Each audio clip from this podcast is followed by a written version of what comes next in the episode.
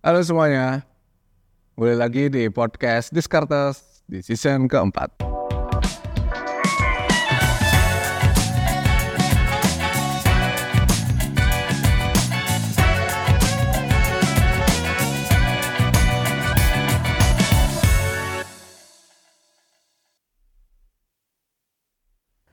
Buat teman-teman, di season keempat ini kita akan ngebahas tetap berhubungan dengan keuangan, meliputi financial planning, asuransi, investasi tentu saja. Dan goals gua buat kalian semua yang ngedengerin podcast ini adalah kalian akan menjadi investor yang betul sehingga mendapatkan return optimal, nambah duitnya, nambah sejahtera. Amin. Pada episode kedua ini, gue akan ngebahas tema sedikit berhubungan dengan gender ya. Apakah wanita lebih rapuh keuangannya dibandingkan dengan pria? Tema ini muncul karena banyak sekali kekhawatiran dari ibu-ibu, dari nyonya-nyonya yang bertanya-tanya dan mengungkapkan ketakutannya. So, mudah-mudahan di podcast ini akan terjawab Kenapa ini bisa terjadi dan bagaimana solusinya? Sebetulnya gue gak akan bilang rapuh ya, karena menurut gue memang lebih challenging.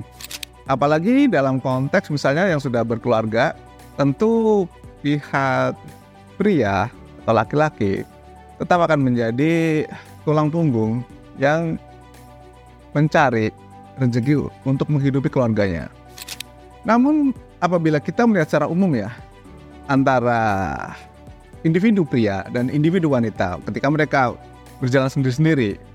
Memang betul, secara keuangan akan lebih riskan si individu wanita ini. Ini bukan hal yang negatif, bukan sesuatu yang ah gender quality gitu ya, bukan perkara itu. Tetapi gue akan jelaskan lebih lanjut karena ada hal-hal yang memang bawaan gitu, hal-hal yang memang tidak bisa dihindari.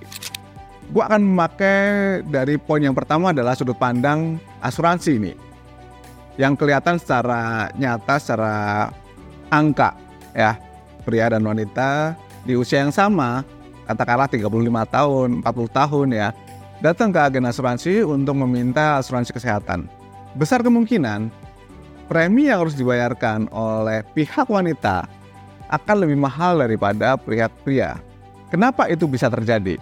Karena gini, secara biologis dan secara data, ternyata ditemukan bahwa wanita itu memiliki kehidupan yang lebih panjang daripada pria.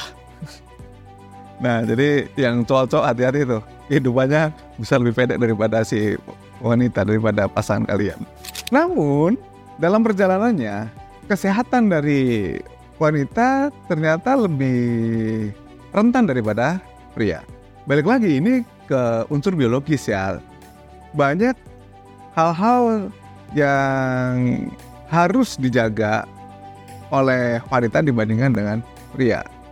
Fisik, hormon antara pria dan wanita berbeda. Misalnya nih ya, misalnya lebih banyak wanita terkena kanker payudara dibandingkan dengan pria itu udah otomatis. Jadi dari situ udah kelihatan bahwa secara asuransi premi yang dibayarkan pasti berbeda jauh.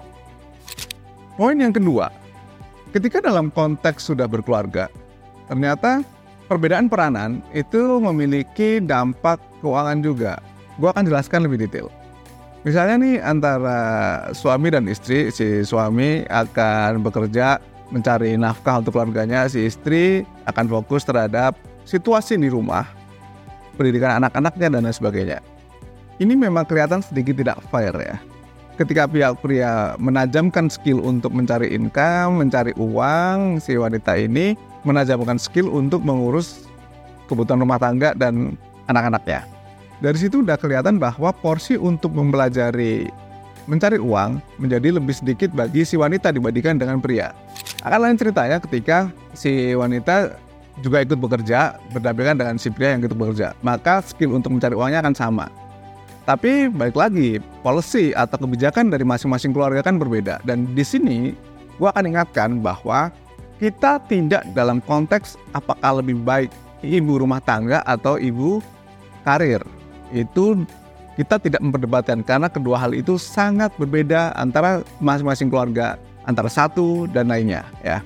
Kita tidak bisa memaksakan hal tersebut. POV sekarang, point of view sekarang adalah melihat kenapa kemampuan untuk mencari uang yang berbeda ini ternyata memang disebabkan karena kesempatan yang berbeda ketika dalam konteks keluarga tadi. Peranan dalam keluarga lainnya adalah misalnya nih yang mengandung, melahirkan, menyusui itu kan pasti seorang ibu gitu ya. Bapak-bapak nggak mungkin dong. Jadi udah kelihatan bahwa waktu ibu-ibu atau wanita untuk mencari uang sudah berkurang banyak nih. Ya otomatis jelas saja makin rentan.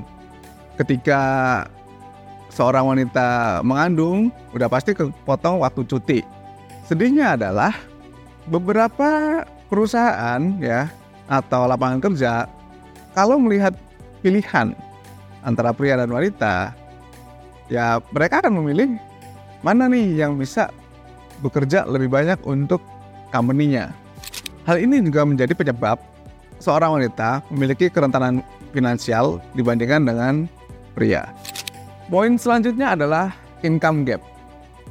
Suka tidak suka, ini terjadi dan gue mendapatkan data dari Amerika Serikat ya, dari US bahwa di beberapa level pekerjaan tertentu itu ada perbedaan penghasilan antara pria dan wanita. Sebagai contoh, kalian bisa lihat di tampilan bahwa secara total ya, laki-laki itu bisa mendapatkan pemasukan sekitar 1.200 dolar.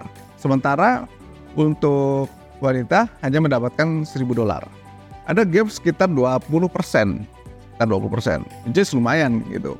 Sementara kita lihat ya, di Indonesia misalnya, di beberapa tempat memang masih ada yang berbeda Ya suka tidak suka memang itu yang terjadi untuk saat ini. Tetapi beruntungnya adalah kondisi demikian makin lama makin terkikis. Makanya di beberapa kantor, di beberapa industri sudah ada kebijakan bahwa 30% itu harus diisi oleh wanita. Which is ini menurut gue adalah satu kebijakan yang bagus untuk apa? Bahwa kesempatan itu akan menjadi semakin sama. Nah, sekarang kita akan bahas bagaimana sih solusi dari kerentanan-kerentanan kayak gini. Solusi utamanya adalah literasi keuangan, kemampuan keuangan. Ini semacam trade off sih. Misalnya, waktunya lebih banyak di rumah dibandingkan dengan di tempat kerja gitu ya. Apa trade off-nya? Trade off-nya adalah semakin besar waktu yang bisa dimiliki oleh ibu-ibu untuk mempelajari mengelola uang dan menginvestasikan. Literasi keuangan yang betul, belajar investasi yang betul, menjadi solusi bagi wanita untuk men-trade off kerentanan finansial yang dimiliki. Ini juga penting karena mereka lah yang akan mendidik anak-anaknya. Untungnya, sekarang juga banyak gerakan-gerakan empowering women kan, di mana itu juga sebuah komunitas yang oke okay, yang mendukung sehingga anak-anak ini orang-orang ini juga akan membuat teman-teman wanita lebih pintar, lebih smart dalam mengelola uangnya. Karena gimana pun juga sosok ibu, sosok wanita itu penting untuk memajukan generasi selanjutnya dari kita. Itu aja dari gua tentang apa solusi dan apa problem, kenapa wanita lebih rentan secara finansial dibandingkan oleh pria. Sampai jumpa lagi di podcast Discartes episode selanjutnya. Thank you and bye.